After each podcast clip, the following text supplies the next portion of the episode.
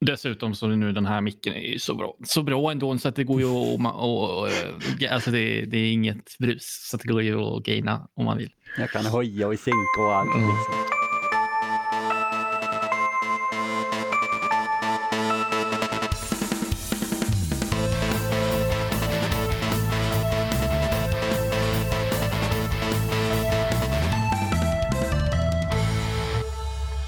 Ja, hej och välkomna allesammans till ett eh, ytterligare ett avsnitt av Nördliv. Det här är avsnitt nummer 294 och jag är er värd, Karl.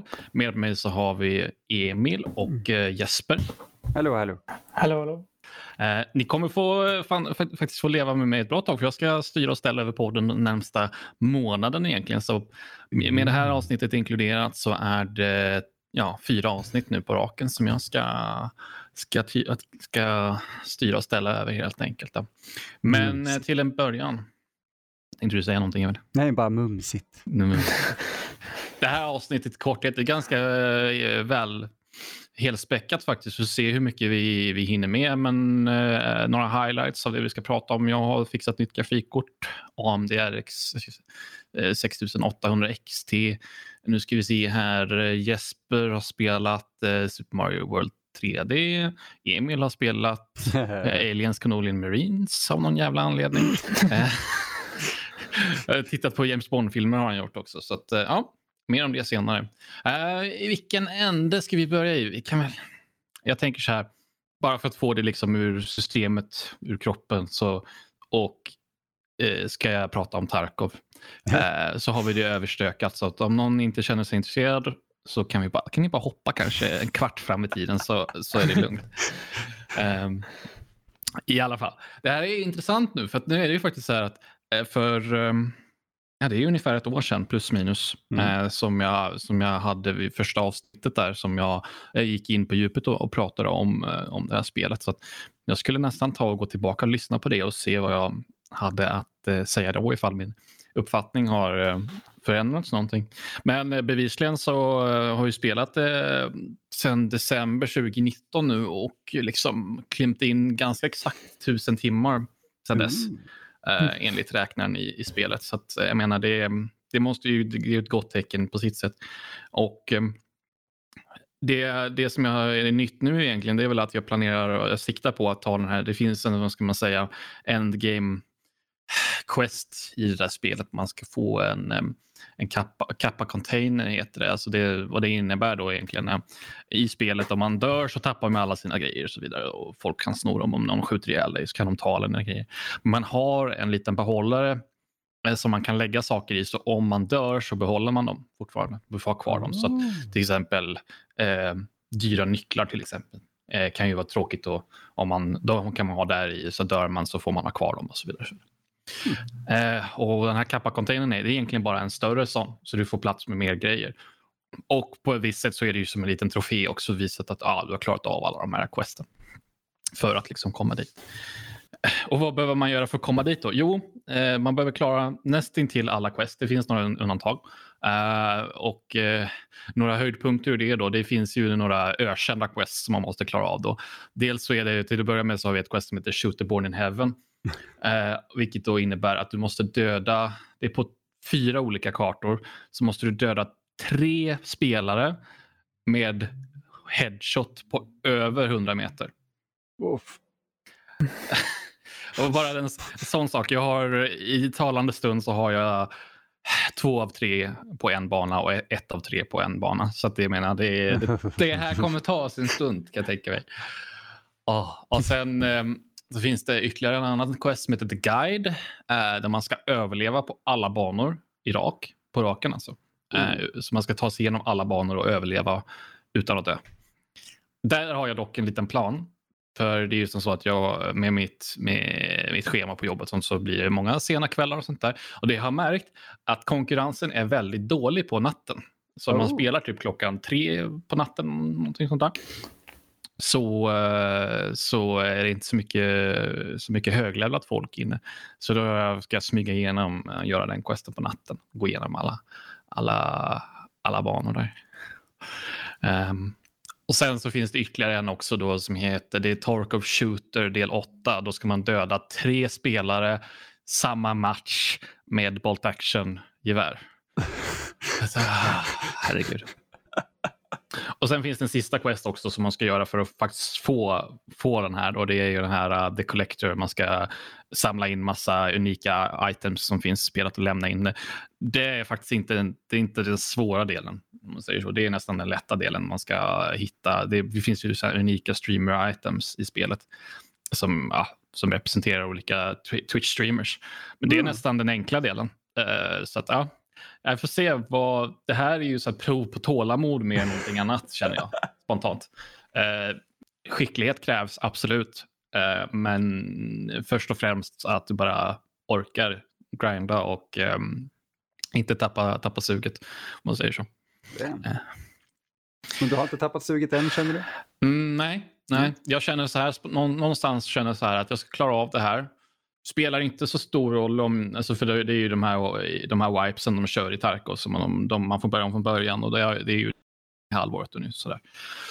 Jag känner väl så här att det spelar ingen roll om jag gör det nu i början eller mot slutet eller sådär, utan jag eh, siktar på att ha det här gjort um, och sen så kanske jag låter spelet ligga nästa wipe så att de nästa liksom, andra halvåret 2021 så kanske jag låter det spelet vara och så får de kan jag komma tillbaka till det sen när det har hänt lite mer. Mm. Kanske. Tyckte jag spontant. Så. Bra, bra. Ja.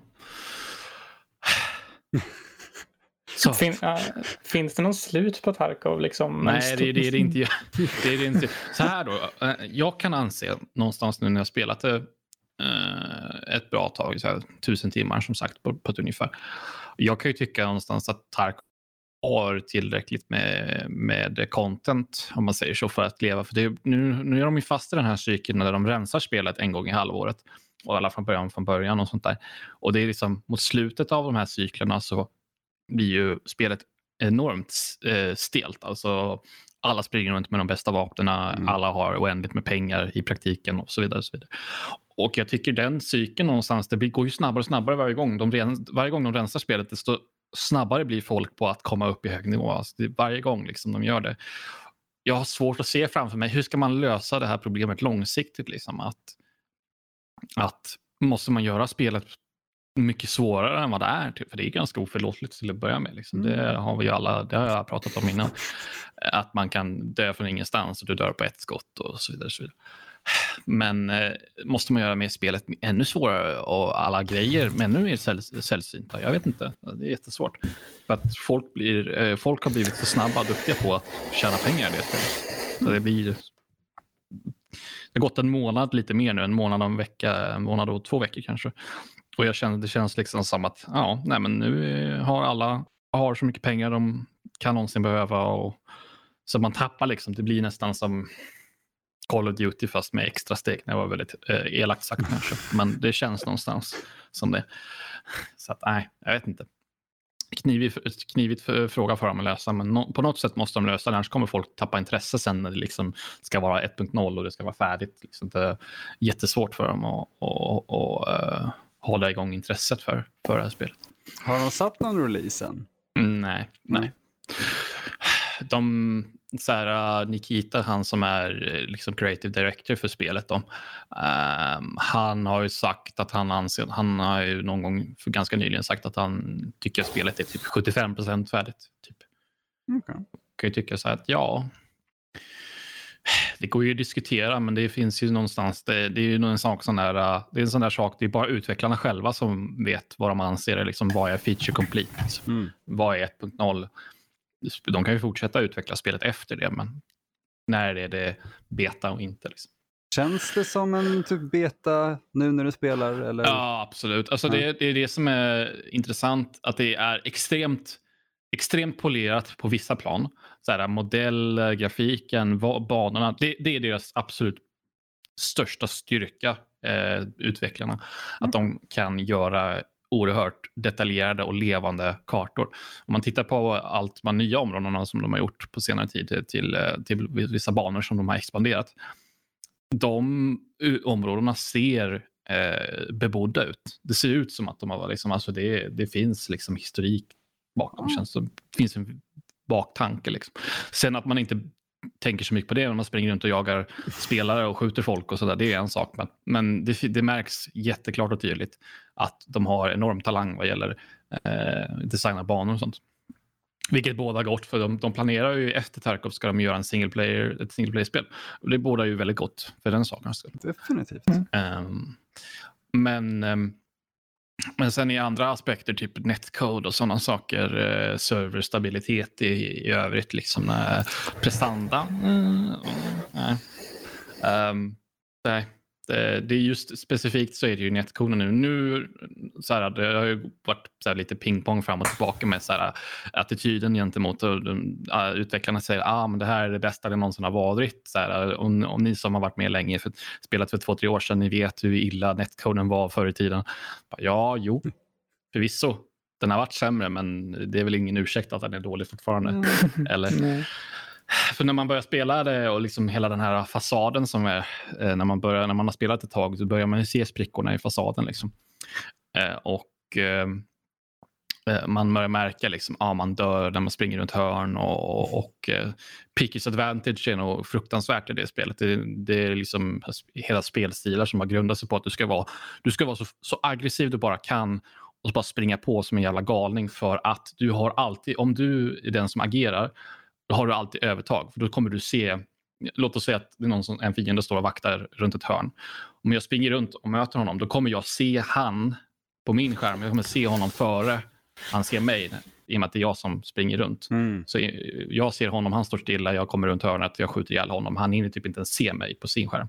För det är så pass eh, delay.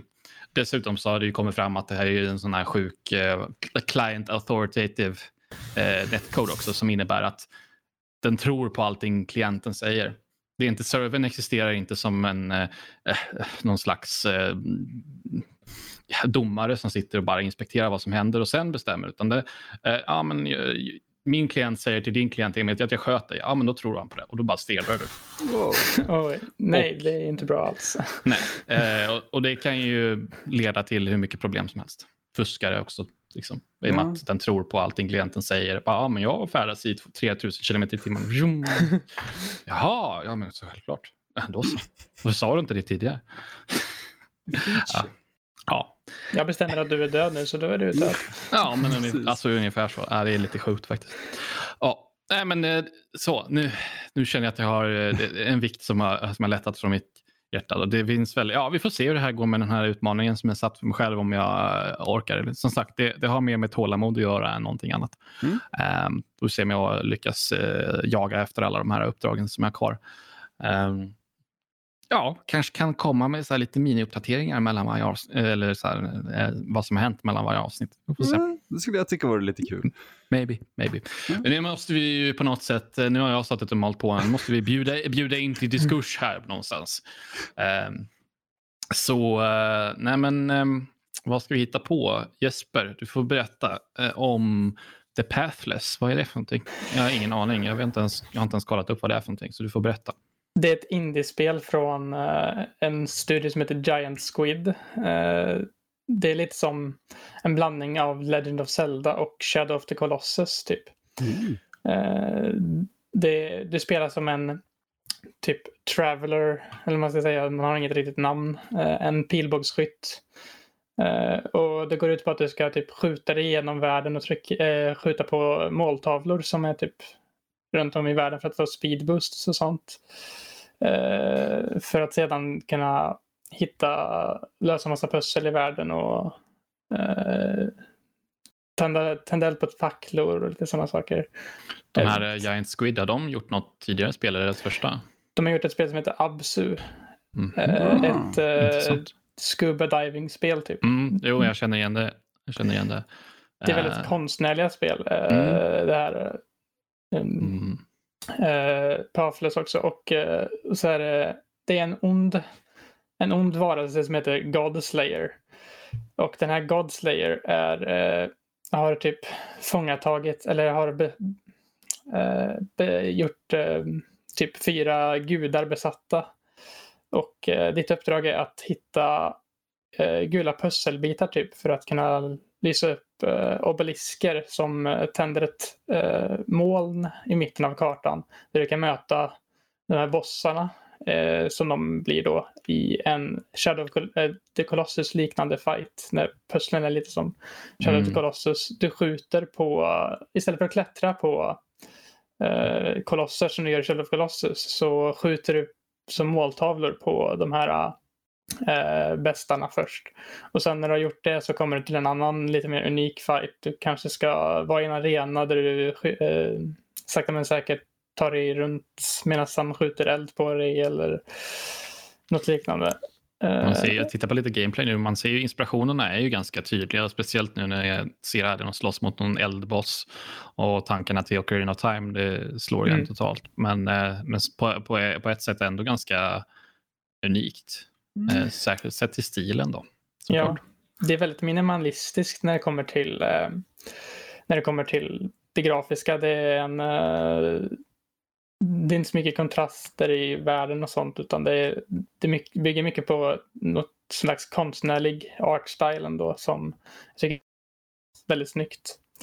Och sen en annan grej. Eh, eftersom att jag körde det på Playstation 5 Mm. där det egentligen är menat att köra det så är det så här haptic feedback i kontrollen. Mm. Så när du skjuter pilen så känner du eh, trycket från eh, eh, triggerknappen. Eh, Mm. Vilket ger en extra känsla till när du speedar dig runt där i världen och skjuter igenom saker. Eh, jag har ju skrivit en recension på det här spelet på Nödliv och jag gav det i toppklass. Jag tyckte att det gjorde så mycket bra. Det, det är väldigt kort också, bara runt sex timmar långt att klara ut. Eh, och då, Mm. gjorde jag ändå, då gick jag ändå runt och utforskade och hittade lite hemligheter. Och så. Det finns väldigt mycket hemligheter att hitta. Eh, mycket lore till världen som berättas genom text och sånt. Eh, I olika byggnader och liknande. Så om man är intresserad av, om man gillar Legend of Zelda-serien och man gillar Shadow of the Colossus och lite så här konstnärliga spel eller vad man ska säga så rekommenderar jag starkt Pathless. Speciellt om du har en, sitter på en PS5 men det finns även till eh, Epic Game Store och eh, Playstation 4. Eh, men jag tror att utvecklarna har gått ut med att de eh, upplevelsen, de tycker att upplevelsen är bäst på eh, PS5. Så ja, det har du säkert berättat en massa om innan, men eh, hur har din upplevelse av PS5 varit? Alltså bara, jag har inte hö- hört någon berätta om det överhuvudtaget egentligen. Ja, jo, jag har haft en rätt positiv upplevelse av PS5 ändå. Mm. Eh, Jag tycker att det är en bra konsol. Det är väldigt snabba laddningstider oftast. Det tar bara några sekunder att starta upp den jämfört med en PS4 till exempel. Där det tar typ... Det känns så här någonstans äntligen för bara konsol konsolanvändare. Liksom bara, ah, välkommen in. I liksom i PS4. världen. Men ah, det är så skönt med, med för det, det var man blev, alltså, herregud vilka laddningstider det kunde vara på Ja. Xbox One och eh, PS4 ibland. Mhm. Eh, eh, Och så att, eh, eh, ja. det, det är väldigt, väldigt skönt att inte behöva oroa sig för eh, har jag tid för att starta upp detta också? Men, eh, och sen är det ju smidigt att typ, man kan eh, sätta den på rest mode och sen startar man upp den så är man inne i spelet direkt igen. Sen man, Just det. Just så det, det Ah, är liksom så det vet jag att Xbox, Xbox Series X också har. Jag har ingen sån än, men eh, den har ju också en sån här quick resume. Men där är det ju mer att man kan typ switcha mellan tre spel samtidigt. Här är det mer att man kan starta upp det spelet man, där man avslutade sitt spelomgång förra gången kan man starta upp. Mm. En annan väldigt cool grej på PS5 som eh, första partstitlar har är att eh, om man skulle mot förmodan vara fast i något spel så har de eh, walkthroughs eh, väldigt smidigt inbyggda Intressant. eh, i Okej. eh, spelet. Eh, Jag har inte använt av, med, av det själv men jag vet att eh, det är någonting som om man skulle vara fast så är det alltså att man kan eh, få hjälp av eh, troféer och sånt. Eh, Mm. och sen tycker jag även att UIn är rätt så smidig. Eh, det lätt att navigera. Eh, och storen är väldigt snyggt inbyggd i eh, konsolen också. Det typ i menyn mer eller mindre. Jämfört Mm. med hur det var i PS4 där man var lite bökigt och ta sig in på saker. Och... Ja. Ja, men det var det jag, jag har... Folk kanske inte hör så mycket mer om PS5, men jag tror att folk har hört det. ja, nej, det har du väl förmodligen rätt i. Det var bara jag som blev så nyfiken. Bara, hmm. eh, ja, jag sa ju till mig själv att ja, jag skulle köpa en eh, PS4 när den kom. Eh, och jag kan väl vara ärlig med mig själv och säga att det kommer förmodligen nog inte köpa en PS5. Och det kan ju ha lite att göra med vilka uppgraderingar jag precis har gjort till min, till min dator. Då. Uh, men uh, ja, vi kan väl hoppa in. Nu har jag ändå sagt, nu har man sagt A får man säga B. Nu har jag ändå sagt det. Ja. Uh, nej, men jag har uppgraderat min grafikkort i min dator och um, det var, gick från ett GTX 1080 bara 1080, inte 10. Uh, det köpte jag ju i juli, juni, juli 2016 så det har varit med mig lite mer än ett, fyra och ett halvt år. Det tycker jag är någonstans ganska bra. Uh, uh, bra stabil uppgraderingscykel där, mm. om man mm. säger så.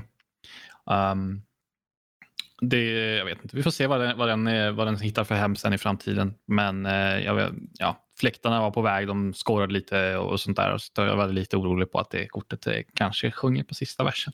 Mm. Får se. Det går ju att fixa nya fläktar om det skulle vara så. Um, men uh, tjänat mig väl. Uh, men det blev, jag siktade ju på att hitta ett uh, RTX 3080 jag hade lagt en beställning. Eh, bara tänkte så här att ja, men jag lägger en beställning så kommer det när det kommer. Um, men så visade det sig att Inet, Inet fick in en, eh, ett, ett lass med RTX, äh, RTX RX 6800 XT från AMD. Mm. Och de hade väl en, det var väl typ en 50 stycken i lager eller sånt där. Och så såg man varje gång man uppdaterade sidan så bara plopp, där försvann en.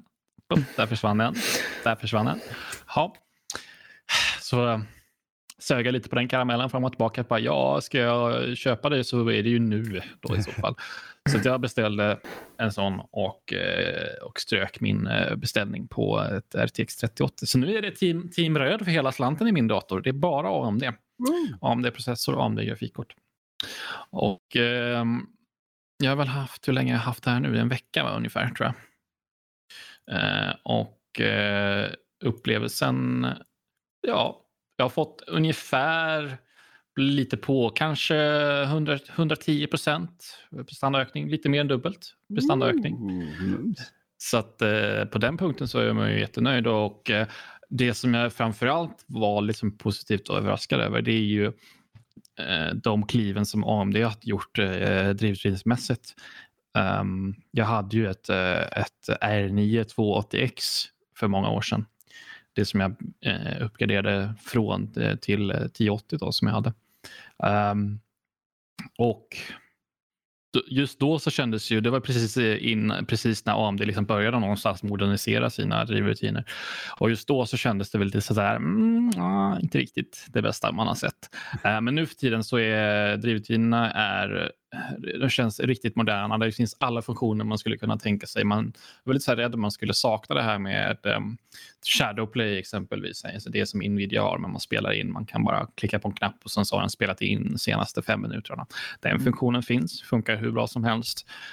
Um, bara jag sitter i mjukvaran nu och den har ju alla de här äh, funktionerna man kan tänka sig med att den eh, kan optimera inställningar och man hantera, driv, installera driv, nya drivrutiner, allt möjligt. Liksom. Det, och man kan, man kan eh, automatisk överklockning om man vill leka med sånt. Och, ja, och det känns riktigt modernt och smutsigt. Det, det funkar hur, hur bra som helst faktiskt. Mm. får vi se, återstår att se liksom, om jag stöter på några, eh, om den snubblar någonstans. Det, det, har jag faktiskt inte gjort än. Alla spel har flutit på hur bra som helst. Eh, det jag har märkt och det är ju såklart det här med raytracing-prestandan. Det visste jag ju om att den är ju inte i nivå med Nvidias eh, mm. raytracing-implementation. Så det ska man såklart ha i åtanke om man eh, står i samma val liksom, någonstans, att, eh, om man vill eh, det ena eller det andra.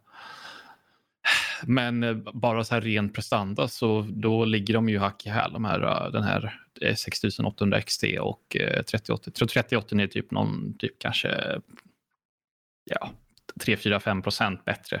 Det beror lite wow. på spelet liksom. Men samtidigt så är det så här i den situationen man rent liksom um, tillgångs, alltså tillgång och efterfrågansmässigt så är det ju svårt. Då får man ju liksom nästan, man får hugga det man får tag på. Mm. Och eh, sam, sit, hamnar man i samma situation som, som jag gjorde med att jag satt och väntade på 3080 men fick chansen att köpa ett RX 6800 XT. Då, då har jag liksom inget tvivel om att man kan rekommendera det. Men man får ju liksom titta lite på det här med Nvidia har ju lite mer feature complete med deras RTX voice och allt de, alla de där funktionerna. Så att, um, det får man ju ge dem. De har ju det här DLSS också, vilket är den här intelligenta uppskalningstekniken som um, ger bättre prestanda i 4K och allt möjligt sånt där. Men bara liksom ren prestanda, same same, mer eller mindre. Wow. Så jag är jättenöjd. Riktigt bra. Eh, Mm, riktigt bra. Du flyttade Tarkov Pro bra där eller? Eh, ja, eh, det, det var ju faktiskt... cirkulerar vi tillbaka till det spelet. Nej, men det var ju så här... Eh, jag var lite osäker på hur, hur det spelet skulle prestera faktiskt. Jag tänker ju så här, det är ett beta, det är förmodligen alla utvecklare som kör med det. De, de kör säkert Nvidia-kort. Det är säkert liksom, så svårt att säga hur bra det kommer att prestera. Så det var lite av ett wildcard. Liksom. Jag visste inte riktigt, men jag tänkte så länge det presterar lika bra som det gjorde innan så bryr jag mig inte. Men det var, visade sig att ja, det var en dubblering i också. Så det var ja, inga konstigheter. Det flyter på jättebra. Ehm, sen är ju det optimeringsmässigt så är det spelet vad det är. Så att man, man kan inte förvänta sig för mycket. det är Mm. lite så här, mm, nej. Ja, nej men eh, skitbra grejer faktiskt. Ja, det är hur bra som helst. Eh, Väldigt kul att höra. Vidare med grafik, grafikkortsnyheter. Det är som jag sa, det är ju, råder ju brist eh, på grafikkort överallt. Så det Nvidia har gjort då är ju att de har eh, gått in och börjat sälja grafikkort från 1000-serien som är fyra år gammal vid det här laget. Just det. Ja. GT, är någon som är sugen på GTX 1050 Ti? Nej. Det, det känns som tystnaden talar där. Mm. Eh, tror jag ska se det. Svensk pris, eller prislappen där var väl på så här 1600 kronor eller nå- någonting i den stilen så där, för eh, ett sånt här kort. Och det är väl så här det- jättemärkligt, men de måste ju ha hittat något lager någonstans med de här korten. Det finns ju ingen chans att de är liksom nytillverkade. Nej, Eller, nej, eller ja, vad vet jag, det kanske de är, men, men eh, ja, nej. nej, men det är någonting skumt som pågår där, annars hade de ju lagt tid på att göra de nya. Liksom. Precis, och sen, ja exakt, och sen eh, vet de ju att eh, efterfrågan på grafikkort är så hög just nu att de vet att folk lär sälja liksom vad som helst. Eh, sen vet jag väl inte riktigt hur, hur bra 1050 10 säljer, men vad vet jag. Folk är desperata nog tror jag. Ja. Så, Ja, precis. Det fanns, det fanns en hel drös olika modeller som är mellan 1500 och 2000 spänn kan man få ett, ett sånt spel. Men det är klart, om man ska köra någon slags eh, prispressad eh, eh, gaming Ja, då är det rätt bra ändå. Det ja. skepsismen talar igen. Men, Ja, ja. Eh, en annan anledning till att eh, det är som råder, råder brist på grafikkort är ju för att eh, miners, eh, kryptovalutor, köper upp eh, gaming-laptops eh, och minar eh, ethereum. Så vad, vad var statistiken som du nämnde där Emil, vi spela in? det, det är att all form av liksom, cryptocurrency mining just nu Mm. eh, använder sig av mer energiförbrukning än vad hela Argentina gör. Mm. Det är vid det tillfället som man borde börja ifrågasätta sig hur nyttigt det här med just miningen av kryptovaluta är. Liksom, att det måste stå och snurra massa datorer hela tiden fram och tillbaka. De köper upp liksom massvis med hårdvara och drar bara en jävla massa ström för bara monetär vinning. Jag vet inte hur nyttigt det är egentligen. Nej, det är väl, alltså jag hade faktiskt inte riktigt tänkt på det på det sättet. Förutom just det här med scalping eller köpa Mm. upp grejer så hade jag inte tänkt på hur energikostnaden måste vara för det. Uh, förrän jag läste det där och jag, eh, nu är jag ännu mer skeptisk till hela krypto, eller i alla fall miningen, miningen Mm. av det. Men idé, kryptovaluta som idé med så här decentraliserad eh, digital valuta, det är inget fel. Det är absolut inget fel på det. Men just det här med att man måste bryta skiten med eh, hårdvara som ska stå och snurra på 100% hela tiden, dag ut och dag in. Liksom. Ah, det, nu vid det här laget så börjar det smaka lite illa i min mun i alla fall. Mm. Uh, vet inte, nej. Det är slöseri med både eh, resurser och, och, och energi. Liksom. Precis.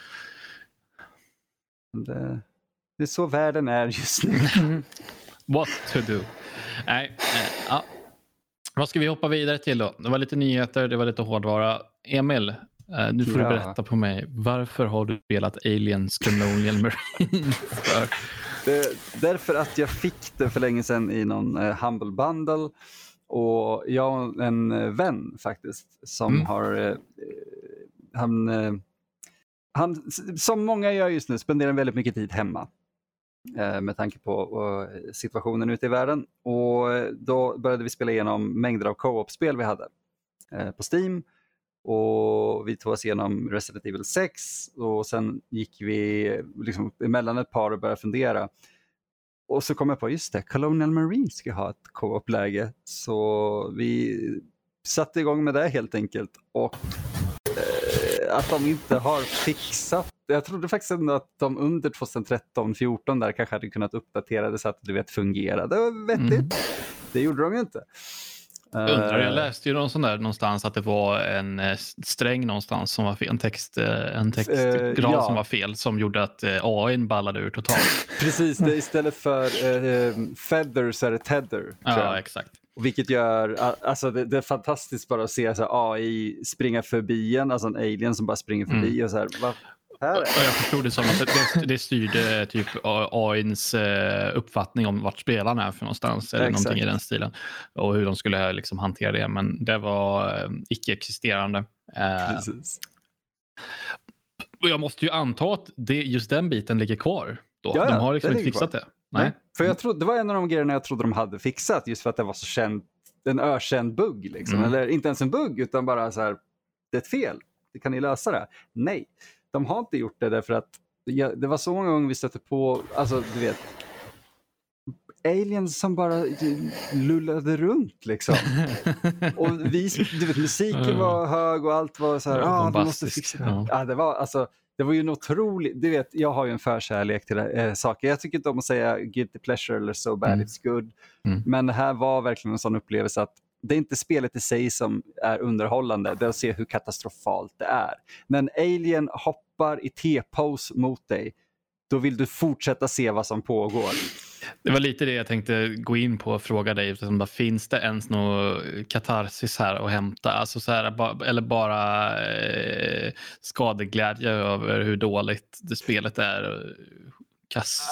Det, nej, jag vet inte. Alltså vi kom ju fram till att vi, vi, det vi fick ut av det var ju ren och skär schadenfreude. Alltså Mm. verkligen bara ren och skär skadeglädje genom hela eh, spelet. Därför att det finns ingenting egentligen eh, värdigt att hämta ur det här. Eh, Det finns väl vissa saker som, du vet, man märker att någon brydde sig kanske om att, ja men de här leg- legendary weapons och man hittar eh, vapen som har du vet, speciella inristningar från karaktärer, typ Hicks hagelbössa eller sånt där. Och man bara, ja men okej, det är kul på en väldigt, väldigt ytlig nivå.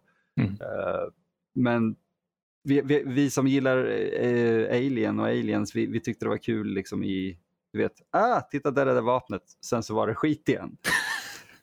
Men vi hade väl kul just för att det var så illa hanterat. Hur många, hur många timmars speltid kan man klämma ut ur det här spelet? Har ni klarat av det? Ja, vi har klarat av det. Eh, och nu har inte jag mitt Steam-konto uppe faktiskt. Men eh, jag tror vi tog det på kanske sex eller åtta timmar. Mm. eh, med ett par buggiga dödar. Ändå. Låter rimligt.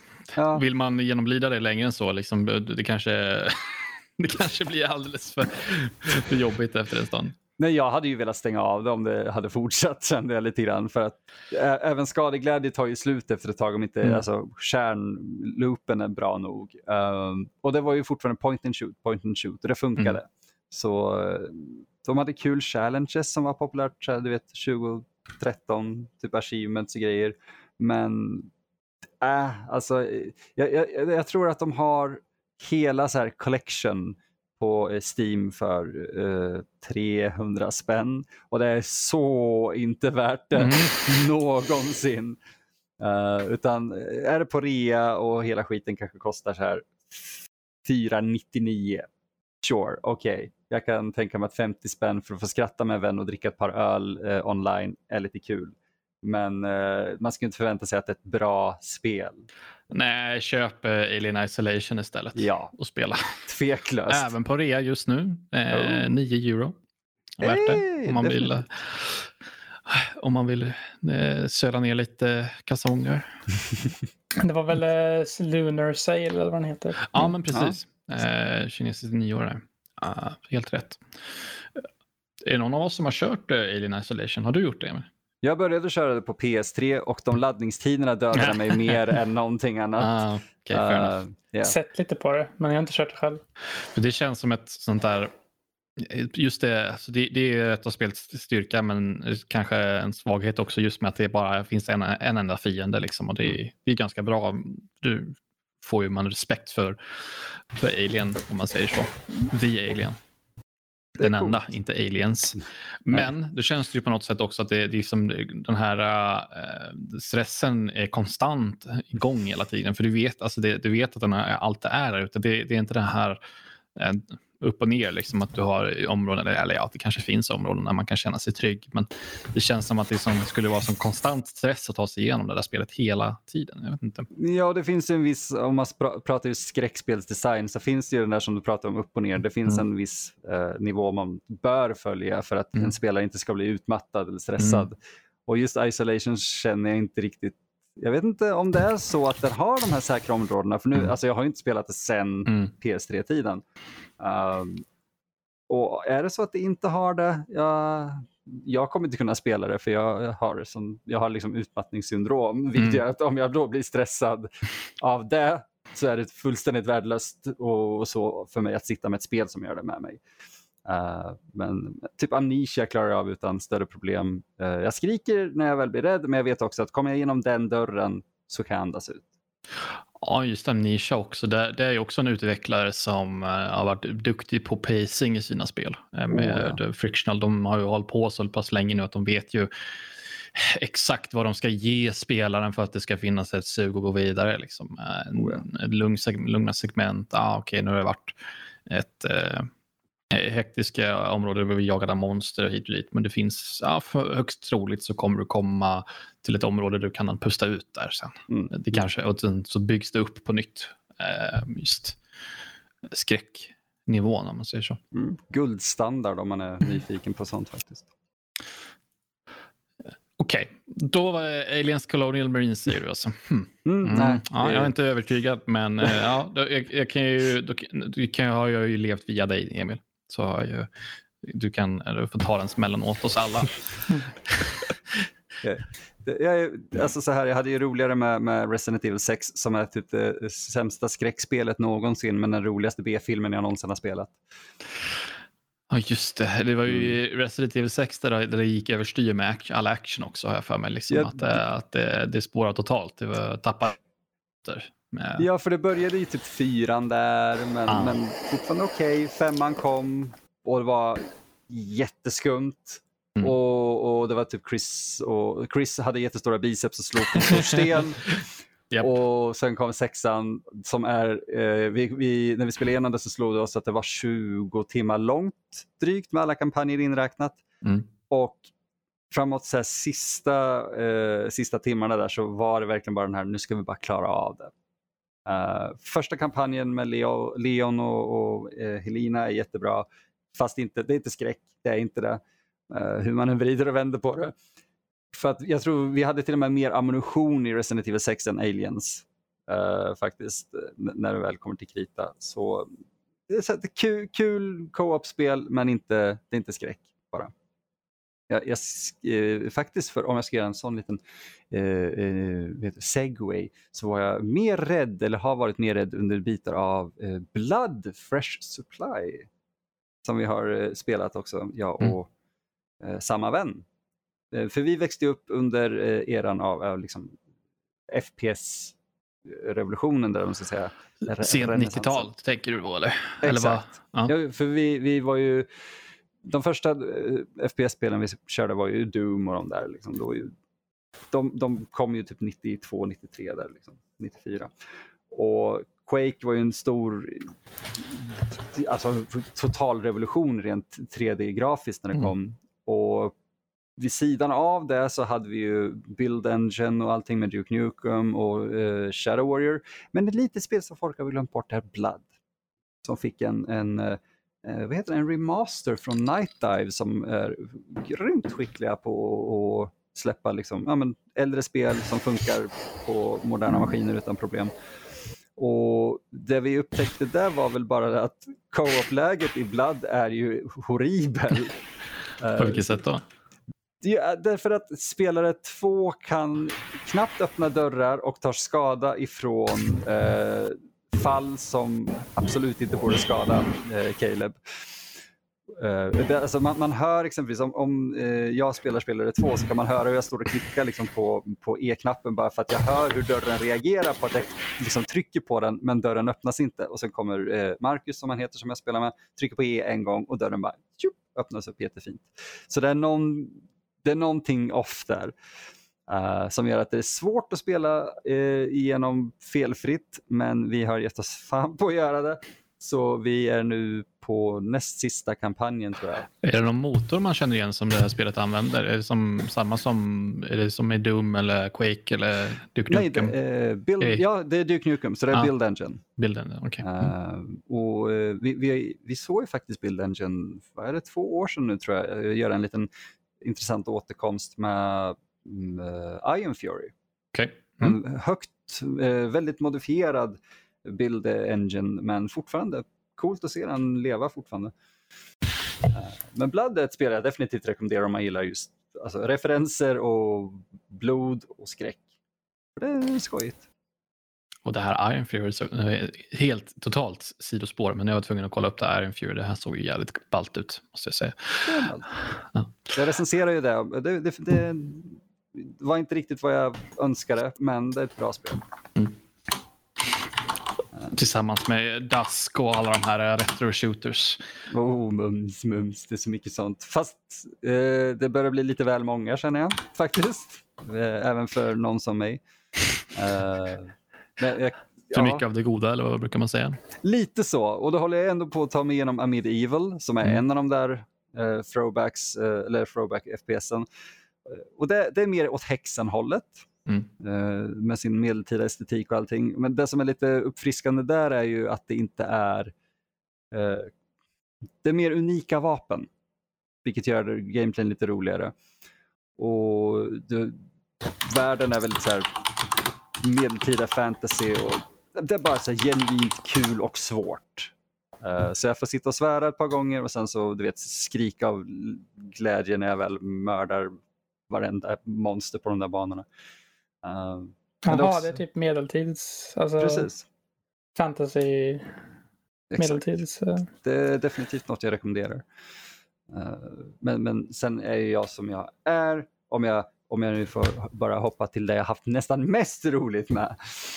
Uh, ja, och i början av februari så eh, läckte ju faktiskt en, en, eh, en betabild kan man väl säga av remaken som Rare jobbade på eh, av Goldeneye 007. Det eh, fenomenala eh, FPS-spelet från 98 tror jag faktiskt, som släpptes till eh, Nintendo 64.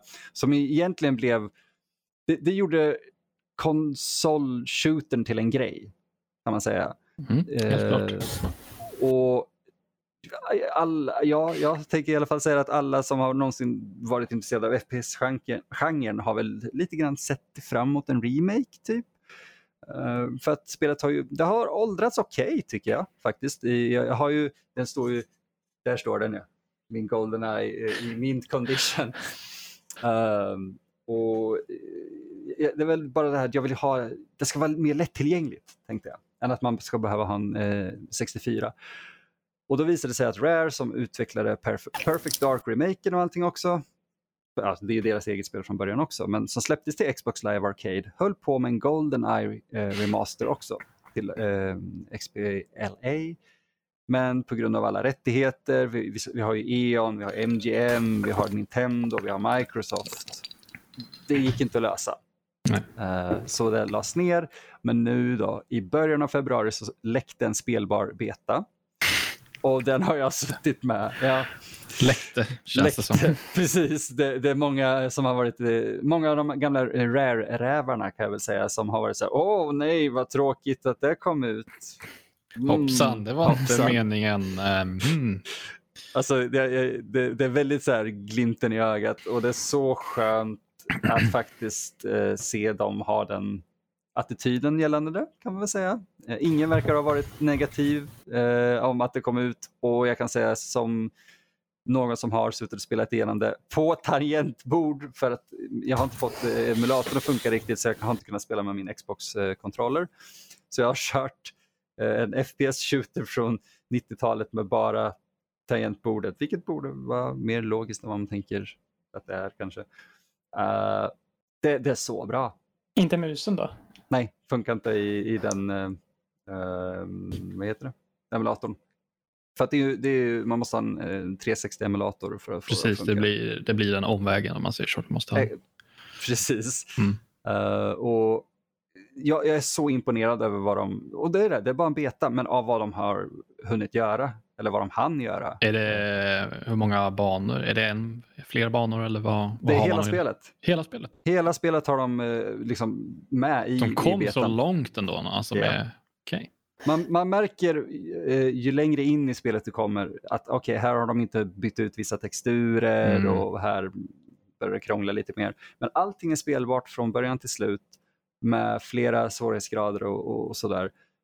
Det, det, är genuint lite hjärtskärande att det här inte släpptes för att det, det håller.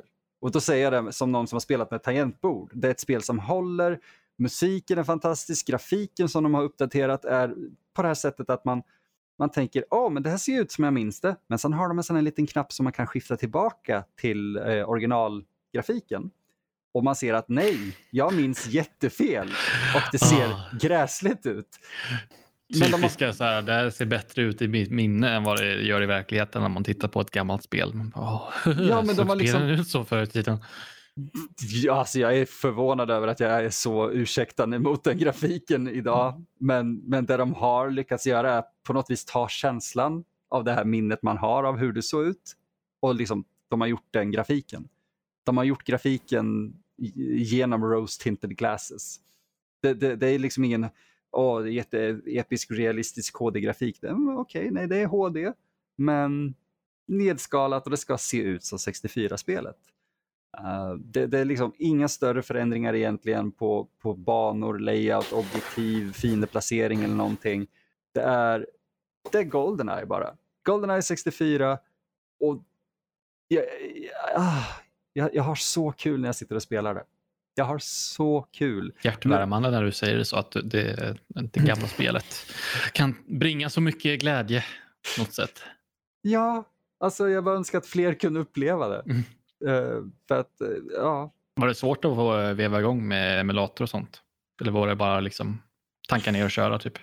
Ja, i princip tankar ner och köra. Ja, uh, det var lite typ gå in med, jag kommer inte ihåg vad det programmet heter nu, men man fick ändra lite kodning och sådär. Mm. Okay för att få det att flyta eh, felfritt. Nu är jag eh, absolut ingen kodare så jag fick det att funka. Det, det enda jag inte har fått att funka än är som sagt handkontrollen men jag tror det handlar om att emulatorn kräver en del eh, mm. och inte spelet i sig. Okay. Mm. Så jag inte den mest stabilaste miljön för att ett spel ska funka bra. En emulator, en beta-version av ett spel som inte blir färdigt. Eh, det är exakt, alltså jag, du tror mig, jag var så lycklig bara när jag såg att det startade för det var just den tanken jag hade. Och det, det, man ser så mycket roliga internskämt.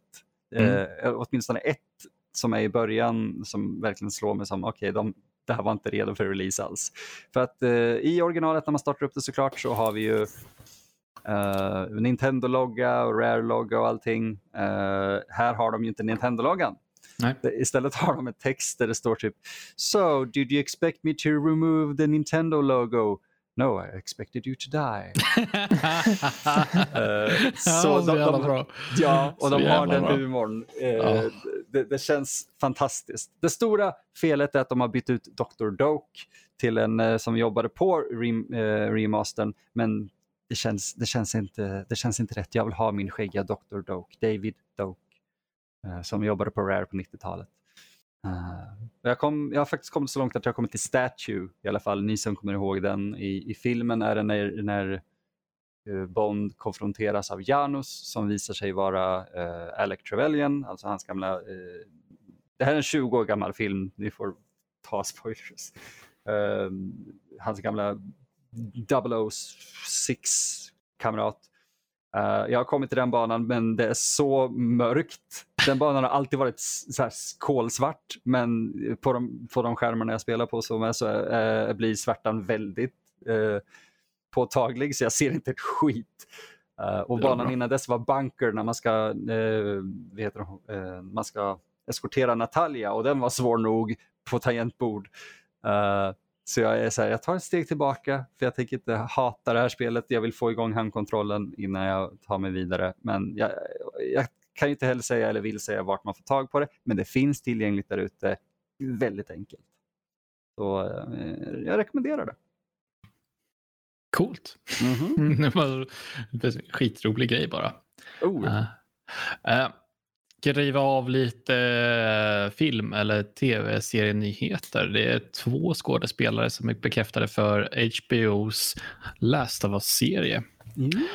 Om vi börjar med, eh, med Ellie så är det en skådespelerska som heter Bella Ramsey. Om inte det ringer en klocka så är det hon som spelade eh, Lyanna Mormont i Game of Thrones. Eh, oh. Ja, Den här lilla bruden med mycket, mycket pondus eh, för, som var regent över Bear Island i den serien. Eller det universumet. Um, tillsammans uh, så med henne så ska Pedro Pascal spela Joel. Och, um, är inte det ett excellent val? Jo, jag tänkte säga det. Spontant så känns det som ett jävligt stabilt val. Man har, eh, de har en bild där med dem sida vid sida liksom, eh, med, med Joel från spelet och Pedro Pascal. Och det jag menar, det är inte långt ifrån mm. eh, utseendemässigt.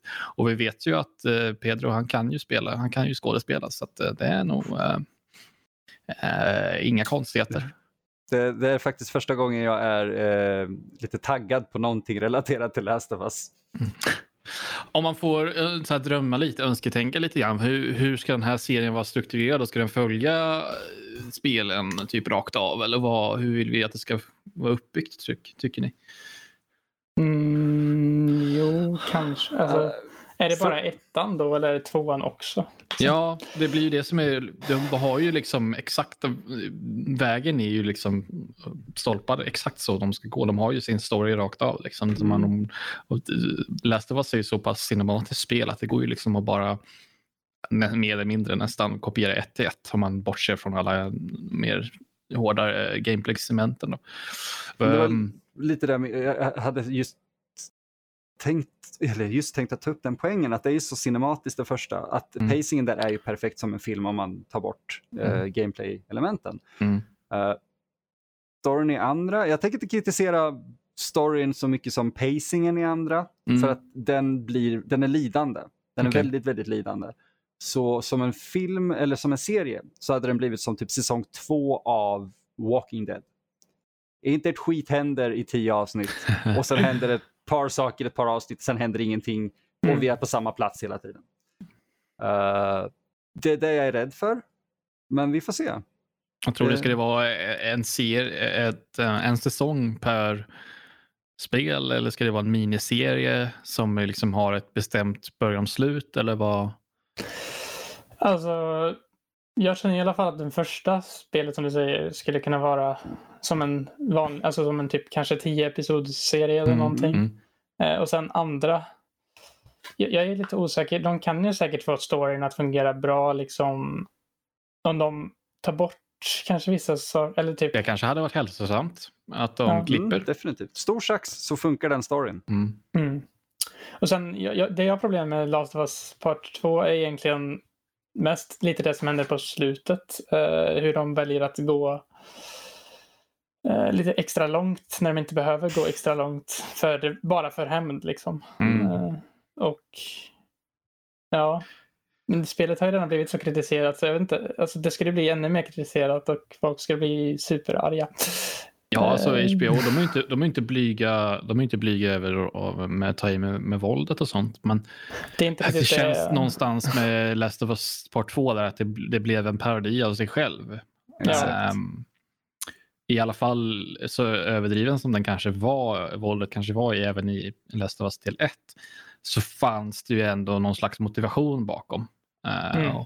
tappar man den, då, då går man in i det här eh, parodistadiet istället. Att, att eh, glömt bort bara varför, varför vad slåss vi för. Liksom, typ. Plus att de skruvade ju... upp på våldet ännu mer i del två. Och det var ännu mer groteskt och det var ännu mer, ja så vidare. Och så vidare. Det finns ju fortfarande motivation bakom mycket av våldet, men mm. det är mm. inte bra nog. Det, det, det, är ingen motivation som är stark nog för att, Nej. för att ens eh, liksom rättfärdiga det, den mängden av våld. Eh, mm. På samma sätt som jag tycker att ettan ändå, att jag inte kan förstå karaktärernas val att göra det mer. typ. Mm. Men uh, ja, det, det ska bli intressant att se i alla fall hur de tänker att gå med det. Men jag ah. tänker i alla fall då att ettan, ettan kommer de nog köra som den är, för den är så pass uh, hyllad och så pass oh, den är inte så jättekritiserad när det kommer till sånt. Nej, den är älskad den. Ja. Jag kritiserade första när det kom, men mm -hmm. jag är också en, en anti det mesta. så, uh, men, men jag erkänner den storyn, även om den är gjord hundra gånger, som en väldigt mycket bättre strukturerad och pacad story än vad andra är och den skulle funka galant i, som du sa Jesper, tio avsnitts säsong. Liksom. Perfekt. Typ Witcher, Witcher-serien typ. Witcher. Där har du Jag tycker nästan det är bara, bara bra att eh, filmskapare, serie, tv-serieskapare har insett nu att det behöver inte vara de här mastodontsäsongerna med Nej 15, alltså 15, 20, 25 avsnitt liksom, för att det ska bli en komplett serie. Det är snarare bättre att bara koncentrera ens budget och story i färre avsnitt. Exakt. Definitivt. Det är som, britterna har fattat det där sedan länge, men mm. amerikanerna har fortsatt köra sina så här 20 avsnittssäsonger och så tröttnar man. Jag blir bara så här, äh, jag har sagt det innan, att jag är dålig på att kolla på serier, men just att det är väldigt få serier som fångar min uppmärksamhet och som jag ser färdigt. Och jag blir bara mest bortskrämd när jag ser att, mm. ja, tittar, ah, det är en serie, den har 10 säsonger och varje säsong är 25 avsnitt. Ja, jag Nej, samma... jag skiter nog i det. Ja, jag tar mig inte an det då. Jag gör inte Nej. Nej, inte jag heller. Speciellt inte ifall, ifall det inte är någonting man typ börjar med från början eller någonting. Mm. Att man har hängt med i det. det är inte varit, jag kommer inte på något, ett sånt exempel bara på rak arm, men liksom om man inte har börjat med det liksom från början så nej, ifall man ser en serie där med typ tio säsonger, typ hundra avsnitt totalt, så nej. Ja, det är svårt begär, stort begär av dem. Man ska sätta mm. sig och dedikera den tiden. Mm. Eh, nej, inte för mig. Men eh, kul. Alltså det HBO Last of Us, det är nog det är en bra, bra kombo. Bra kombo. Mm. Inga konstigheter. Eh, vi kan riva av ytterligare en nyhet egentligen och eh, det är att eh, CD Projekt Red där, de får inte en lugn stund utan de blev ju attackerade eh, igen för ett, eh, några dagar sedan bara, 10 februari. Uh, eller vänta nu, nu läste jag rätt nu. I alla fall, de, de blev attackerade och sen så för några dagar sedan, 10 februari, så läckte källkoden för deras Gwent-spel. Helt enkelt. Um, och den här läckan då, den titulerades CD Projekt Red Leak number one, vilket då skulle antyda att det finns mer på gång att läcka. Men vad jag förstod det som, vad jag läst mig till då, så, så fick, kom de åt källkod för både Gwent men också för Cyberpunk Eh, och eh, för Witcher. Oh. Så, så det är ju, de, uh, CD Projekt Red, de har meddelat det att de har ju de har ju kvar allting. Så de, de, har inte blivit av med någon, någon data eller källkod eller whatever. Så de hade ju backups som fungerade. Men däremot så är det ju jävligt tråkigt för dem att om det läcks på nätet, liksom, att de får, får bli av, eller nej inte bli av, men att det läcks på nätet. Det kanske någon kan få det att funka i alla fall. Nej, jo. Cyberpunk kanske kan bli snabbare klart. Ja, jo. kanske. Med någon annan gör, eh, mm. så sköter patcherna.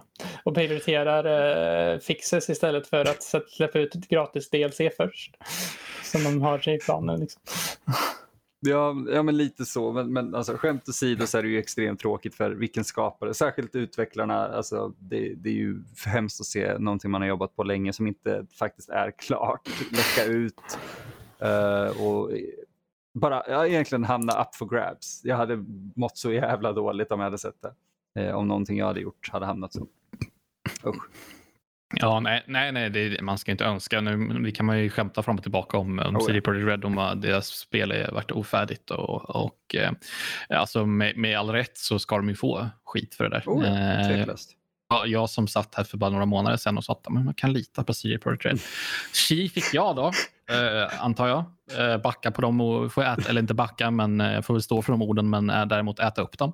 Mm. Eh, för att visa sig att eh, även CD Projekt Red, att de eh, att det drivs av pengar i bakgrunden också. Oh, ja. Men visst är det att eh, företag och spelutvecklare drivs av pengar? Vem kunde någonsin ana? De bryr sig om den lilla spelaren. Ja, jag kom ju på mig själv sist jag var med, eh, med, med, med Fredrik och så och eh, Peter från Soffhjältarna. Och frågan ställdes så här, vilka spel vi ser fram emot 2021 och då sa jag Elden Ring. Och t- med tillägget att From Software, det är ju en utvecklare man kan lita på. Ja, Mm. Förstör inte det här nu bara. Jag vill inte, det är, det är ingen, jag, ingen särskild så här besvärjelse som jag vill lägga på utvecklare att de ska förstöra sina spel. nu, Att de inte Elden. Ring, de har inte sagt någonting om 2021 eller har de det? Ja, nu ska vi se. Ja, det kanske läst fel, men jag vill påstå att eh, Kanske de har. Jag har hört hintar om 2021. Ja. Inga Okej. releasedatum än riktigt, vad jag nej, vet. nej, precis. Men eh, okej, det, det stämmer väl förvisso att, att det inte är satt. Eh, Men jag har ju andra spel att se fram emot. Typ Mm. här, ah, andra världskriget, eh, RTS-spel eh, kanske. Mm. va? Brist på sådana. Ja, faktiskt. Blitzkrig och Company of Heroes. Mer om det någon annan gång. Mer om det när det släpps. Jag pratar om eh, Gates, Gates of Hell. Oh, Eh, heter just det. det. Eh, Men mer om det när det faktiskt har släppts. De ska Mm. köra upp, öppen beta på det i mars. Så det är ju skitkul. De visade, de la ut några gameplay-klipp från eh, när de, det stängda betan som pågår just nu och det ser riktigt jävla fräscht ut faktiskt. Så jag, jag, jag håller tummarna på att det blir bra. Ja. Och sist men inte minst i nyhetsväg då eh, så har ju Biltema har ju, har ju en, det finns att köpa spel, en spelmus från Biltema just nu. Ehm, och vad finns att säga om den egentligen? Ja, om man jag kan, eh, ni får leta upp eh, länken till den artikeln, men om man tittar på den så finns det en väldigt stark, ehm, vad ska man säga, ehm, Det, det, li, Oj, man blir lite, ja. det finns en väldigt, väldigt stark, eh, vad ska man säga, likan, liknande, eh, vad heter det, Logitech G502. Mm. Det är typ exakt samma mus egentligen om man tittar på bilderna. Men istället för en Logitech-logga så har vi en bild på en tecknad apa med hörlurar på istället. Så Ja. det är väl bra? Eller? Alltså, det, för jag börjar fundera just på om, namn, om, om den har något namn som Det- typ Angry Chimpanzee eller någonting. Nej, men, det, nej. nej, det är just det den inte har. Och de verkar liksom ha en hel gaming-serie, vilket gör det helt fantastiskt. Det visste jag inte att de hade. Med så här RGB-musmattor och, och tangentbordgrejer. Gaming, precis. Du ska vi se, nu får man åka och köpa en eh, Biltema musmatta med Biltema-korv på. Kan man få det kanske?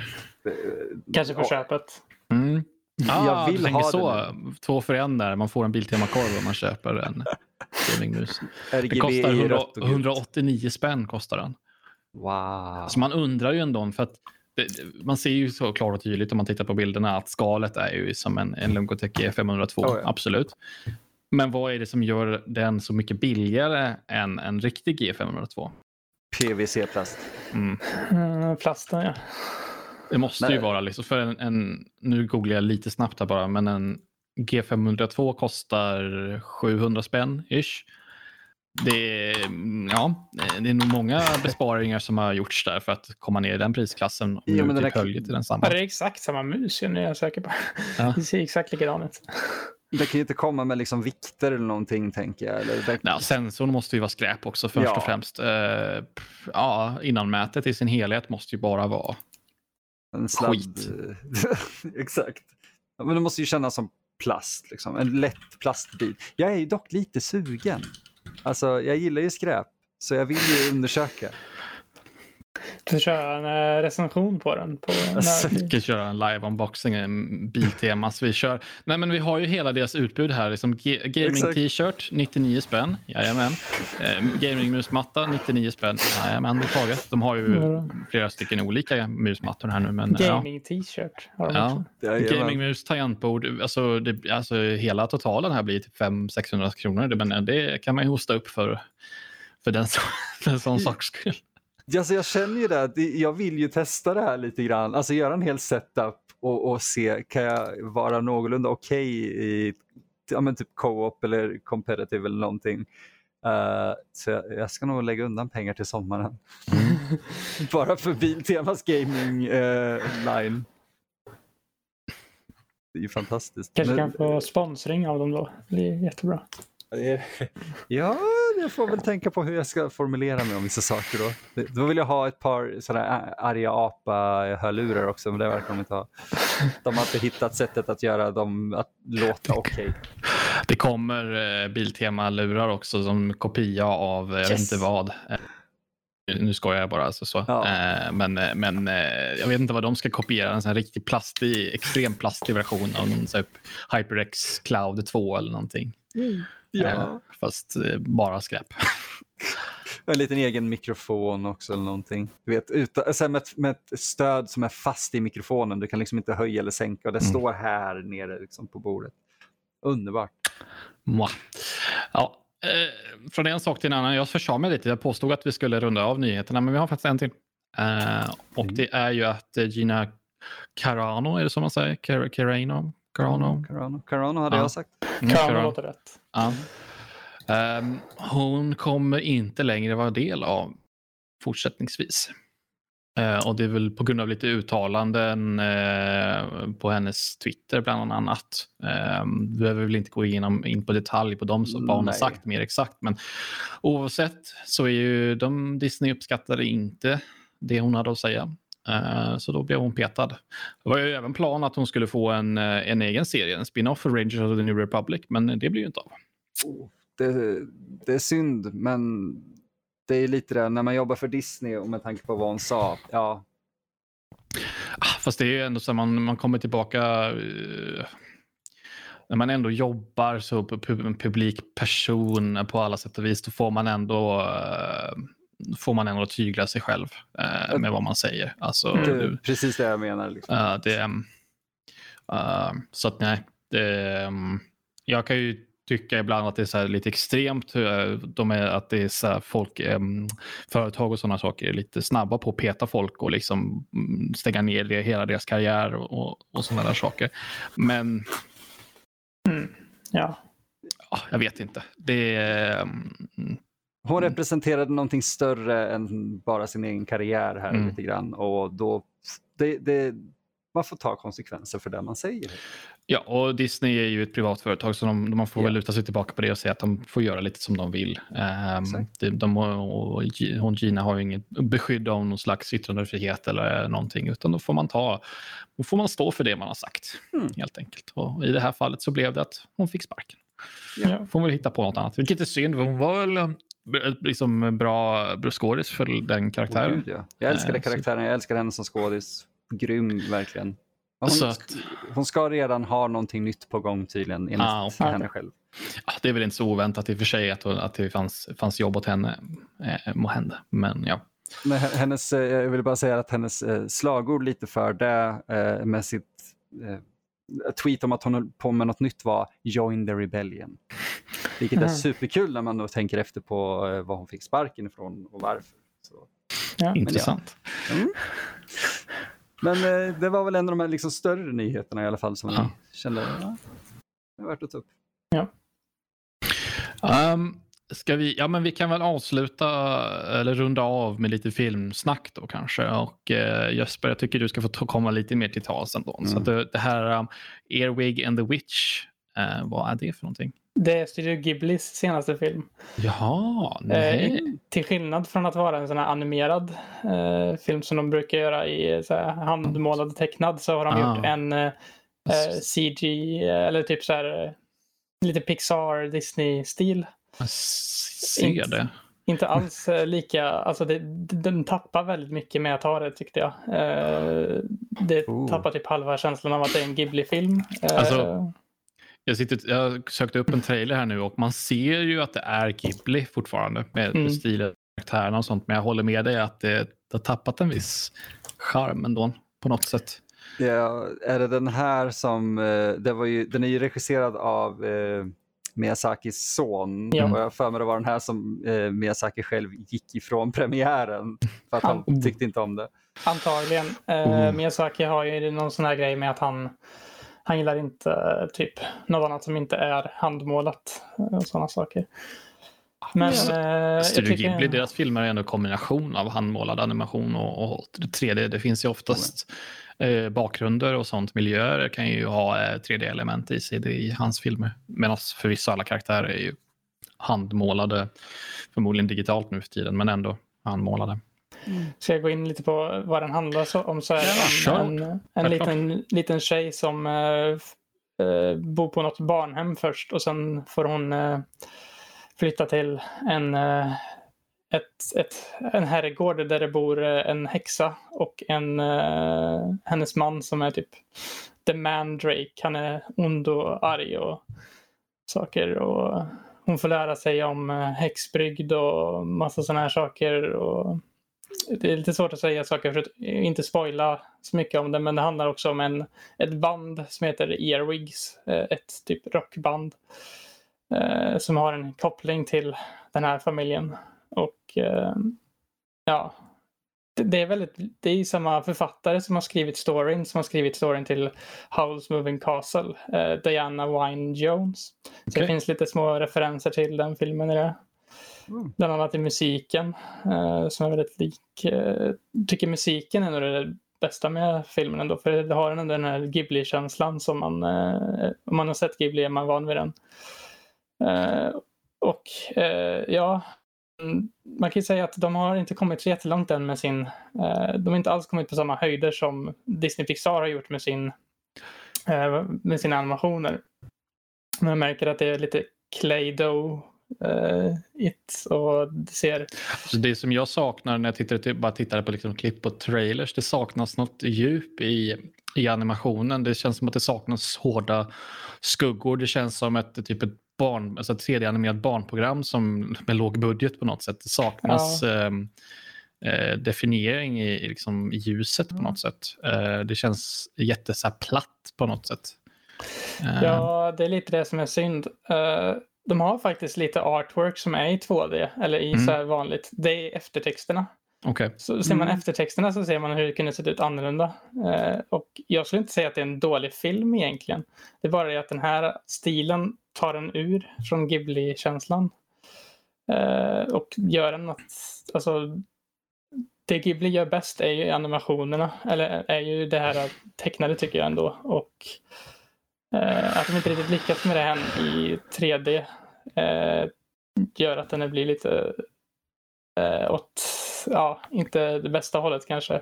Mm. Men, eh, och sen att storyn kanske inte är den mest intressanta heller. Eh, Det Nej. finns mer intressanta. Såklart, det kanske är hård, hård jämförelse, men när man ändå tänker, det, det, det är väl bara, de måste väl få lite erfarenhet också och med 3D-animation. De, kanske att de kan, de kan ju såklart göra det bättre säkert om, med lite med erfarenhet. Så, det, så, så illa ska jag inte påstå att det är, men, men det påminner lite om eh, tidiga typ Toy, Story-filmen. Första Mm. Toy Story. Eh, inte så, så extremt kanske det inte är när jag tittar på bilderna, men just det här eh, att eh, ganska platt ljussättning, eh, inte så definierade skuggor. ehm, Det saknar Ja. nyanser. Ja. Bara. Alltså, det är svårt att formulera tycker jag. Ja, Så att eh, de, om de gör ett, jag tycker, säger väl så här att det är väl synd att de missade mm, målet så, men, men jag tycker väl att de kan, kan nog eh, ändå ge det ett försök till. Kanske kan Ja. göra det bättre nästa gång. det är alltid en process där att man måste lära sig och bli van med sån här stil. För de har ju alltid varit, varit den här väldigt konservativa med att de, de ska inte eh, de ska inte ha sån. Mm. När, det, när, när det kom en våg av det så körde de fortfarande sin gamla tecknade stil. Som när Disney började slutade typ nästan helt totalt med tecknat så fortsatte de med det. Mm.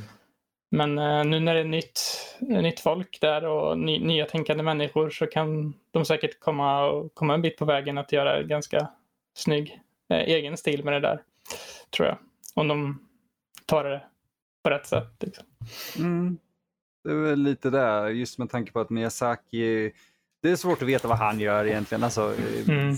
gamlingen Miyazaki, eftersom han antingen han, han går ifrån att vara pensionerad till att ah, nej, jag gör en ny film nu och sen har han sin son som inte verkar kunna leverera riktigt vad fadern kunde, vilket är fine.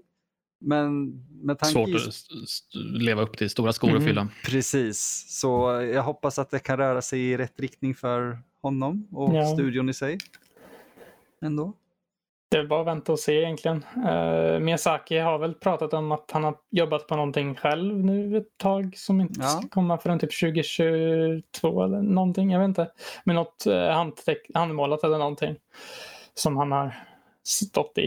Uh, men han tar ju extremt lång tid på att göra saker så man vet ju aldrig. För att de gör ju frame för frame för liksom bild för bild.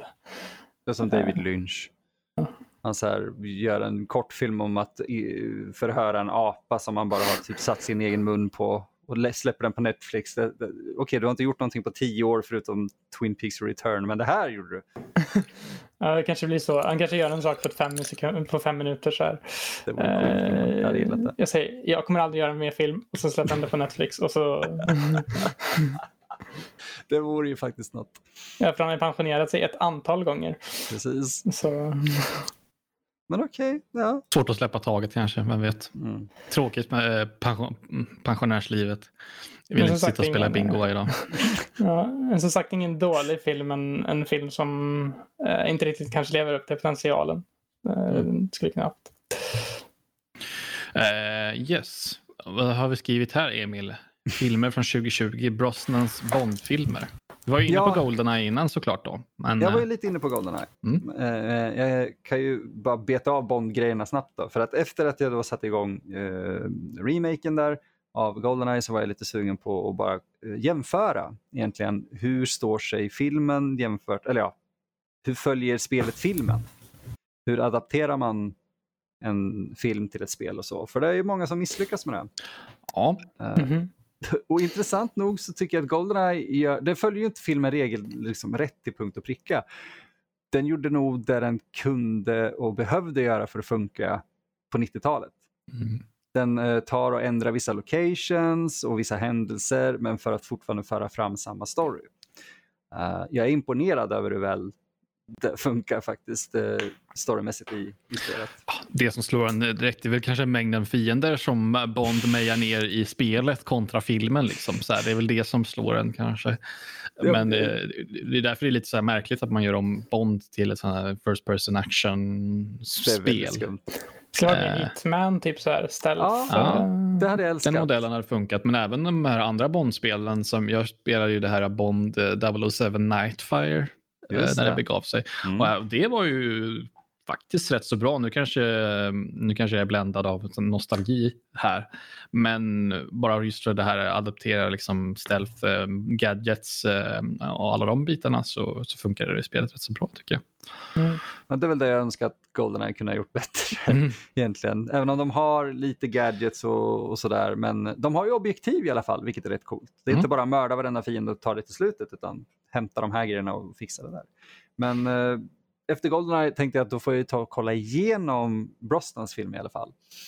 Uh, och jag har nu sett tre av dem. Jag har mm. Diana the Day kvar och det är den jag sett flest gånger tror jag för vi hade den på VOS. Mm. Uh, det är jättekul egentligen för att Bond är ju ganska, fram till Daniel Craig, ganska larvig grej mm. egentligen. Uh, jag säger inte att det är dåligt eller dumt, det är larvigt. Uh, Brostans grejer när man läser synopsisar är så här, wow, det här är ju hysteriskt dumt. Det är så här, ah, yeah, Tomorrow Never Dies, en stor media conglomerate, typ Rupert Murdoch ska starta ett krig mellan Kina och England för att ha exklusiva rättigheter till att sända sina nyheter i, i Kina i hundra år. Ah, okej. Okay. Sen när man ser filmen inser man att storyn är inte så viktig. uh, det är set pieces och eh, lite kul dialog. Eh, Nu ska vi se om vi får hjälpa påminna mig här. För första är Goldeneye, första Brosnan Bond? Ja. filmen. Och vad har vi sen efter det? Efter den var det eh, Tomorrow Never Dies. Tomorrow Never Dies. Sen kom den jag sett eh, minst gånger och det är World is not enough. Walls Not Enough. Och Eh, och sen är det Die Another Day. Okej. Sen Mm. gjorde han ju även, faktiskt, han gjorde, eh, lånade sin liknelse, vilket han hade gjort innan till spel och så, men även sin röst till eh, Everything or Nothing, som Mm. många anser vara hans liksom, final hurra i Bond-väg. Mm. så eh, Goldeneye är tveklöst hans bästa. Mm. Det, det kan vi nog alla enas om. Uh, World is not enough är weird. Det, det, jag kan liksom inte komma ihåg. De har ju karaktären Christmas Jones spelad av Denise Richards. Och det var då jag också började fnissa lite bara med det namnet. Men de skämtar ju om det. Uh, Diana Day, vi får se om den håller sig. Eh, jag gillade ju Casino Royale för hur gritty den blev. Så vi får se om Brosnans charm kan vinna tillbaka. Det är ju någonstans den ehm, ändringen som har skett där från hoppet från Brosnan till, till, ehm, till Craig just att eh, Bond blev eh, mycket mer allvarlig utan någon form av eh, självinsikt. typ. Mm. Alltså, visst, de är väl lite medvet, självmedvetna men, men Bond har alltid varit så här, bara, ja, det, de är larviga och vi vet om det på något sätt. Exakt. Kanske eh, även, ja, kanske, jag vet inte, de här 60-talsfilmerna, jag vet inte, de kanske tog sig själva på allvar också. Men eh, det har ändå funnits någon form av självinsikt där som Mm. saknas i de nya Craig-filmerna. Det ska vara så jävla blodigt allvar eh, i de filmerna. Men det känns lite weird när det kommer till Bond. Mm. Men det funkar typ kanske. Uh, men annars så här med filmen 2020 kan jag bara lite kort säga det att uh, jag och Mattias har ju på våran Patreon uh, gjort en liten minisäsong av Kultpodden faktiskt som kommer tillbaka den här onsdagen som kommer nu. Men där går vi igenom filmer från 2020 och vi har sett en hel drös filmer från 2020. Och av de avsnitten som har släppts så ja, det är inget spoiler, jag kan bara säga, har ni inte sett någon film från 2020, se Possessor, sen så kan ni vara nöjda. Det är seriöst den bästa filmen från 2020. Det är sjukt bra, gjord av, vad heter han, Brandon Cronenberg, David Cronenbergs son, och är väldigt cerebral. Eh, Så, så, som, så som sig bör för en Cronen. Cronenberg-film. Eh, men om man är sugen på att höra mer om, om det egentligen så är det ju in på Patreon bara så har vi, har vi alla avsnitt där. kommer ett par till varje måndag och fredag. Klart ni ska stötta Emil och Matt, Mattias på den Vi fronten. måste skö- köpa ny skäggolja till matte liksom. Så. Ja, det kommer krävas mycket skäggolja. Ja. Jaha, men då har vi strukit alla, alla, eh, alla ämnen för Mhm. veckans podd. Eh, och ganska lagom tid att avsluta. Mhm. Ehm, och ehm, ja, förutom eh, allt det som ni har hört så får ni gå in på uh, vår hemsida, uh, nördliv.se och kik- kika på alla recensioner och andra artiklar eh, som vi lägger upp. Uppdateras mer eller mindre dagligen. Vill jag påstå att det kommer ut något nytt. Mm. Det är Eh. tanken i alla fall. Och sen så om, eh, vi finns ju på, på diverse sociala medier, Twitter, Instagram så är det snabel nordliv.se. Man kan även mejla oss, eh, info.nordlivpodcast.se. Man kan även ta förnamn nordlivpodcast.se. Så vill ni komma och säga att eh, Die Another Day det är bästa Brosnan-filmen eh, så är det bara att skriva Emil snabel nordlivpodcast.se så kan Jag man berätta det.